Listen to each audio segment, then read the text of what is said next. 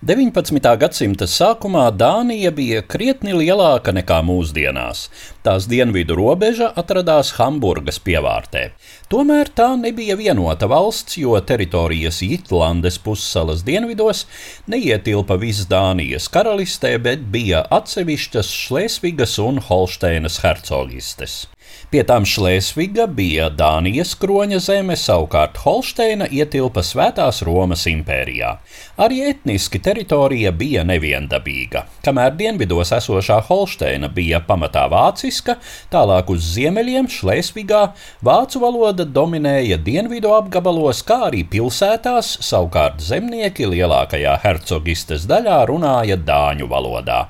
Līdz ar 19. gadsimta sākumu Eiropā veidojoties nāciju valstīm, šis no viduslaikiem mantotais muģeklis sāka savilkties spraigā mezglā. Kā dāņi, tā vācieši uzlūkoja Šlēsvigu un Holsteinu par savas nācijas teritoriju.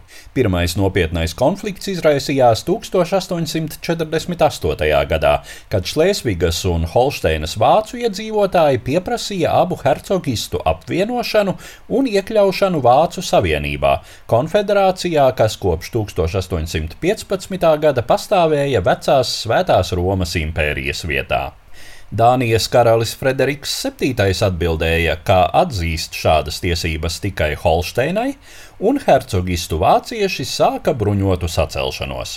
Tautas brāļiem nāca palīgā Prūsijas un citu vācu valstu armijas, tomēr trīs gadus ilgajā Pirmajā Šlēsvigas Holsteinas karā Dānijai izdevās nosargāt savas robežas. Dānijas armija sīksti aizstāvējās, savukārt vairākas citas Eiropas lielvalstis izvērsa pret Prūsiju diplomātisku spiedienu. 1852. gadā tika parakstīts tā sauktais Londonas protokols, kas paredzēja, ka Šlēsviga un Holsteina arī turpmāk būs Dānijas kroņa īpašums, gan saglabājot nozīmīgu autonomiju. Tomēr Vācu Savienības parlaments neatzina šo vienošanos, un konflikts palika iesaldēts vēl uz 15 gadiem. Otrais Šlēsvigas Holsteinas karš uzliesmoja 1864. gadā. Par tiešo kara iemeslu kļuva 1863. gadā pieņemtās Dānijas konstitūcijas attiecināšana arī uz Šlēsvigu. Londonas protokols paredzēja, ka abām hercogistēm būs vienāds status Dānijas sastāvā. Savukārt valdība un parlaments Kopenhāgenā uzskatīja, ka arī Šlēsvigas dāņi ir tiesīgi baudīt jauno liberālo valsts pamatlikumu. 1864. gada janvārī Austrija un Prūsija pieprasīja Dānijas konstitūcijas atcelšanu 48 stundu laikā un saņēmušas atteikumu 1. februārī sāka iebrukumu Šlēsvigā. Šoreiz Dānijas situācija bija krietni smagāka nekā pirmajā Šlēsvigas Holsteinas karā.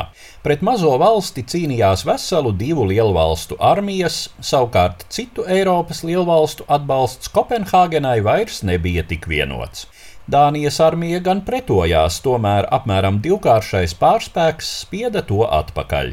Sevišķi sīvas cīņas notika aprīlī pie Dibeles pilsētiņas Šlēsvigas vidienē, kur sākās pamatā dāņu apdzīvotā teritorija. Te fronte uz laiku apstājās, aprīļa beigās Londonā tika noslēgts pamieris un sākās miera sarunas, taču tā kā Dānija vēl nebija gatava pietiekami piekāpties, Pēc mēneša sarunas izjuka un vācieši atsāka uzbrukumu.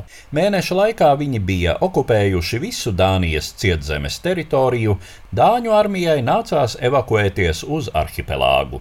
Tagad Dānijai tika izvirzīti jau krietni smagāki noteikumi.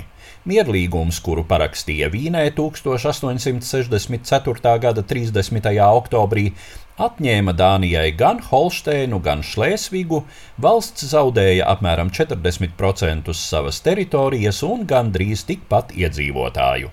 Apmēram 200 tūkstoši Šlēsvigas dāņu tālāko politisko procesu rezultātā nonāca Vācijas impērijas pavalstniecībā un cita starpā bija spiesti cīnīties Vācijas armijā Pirmajā pasaules karā.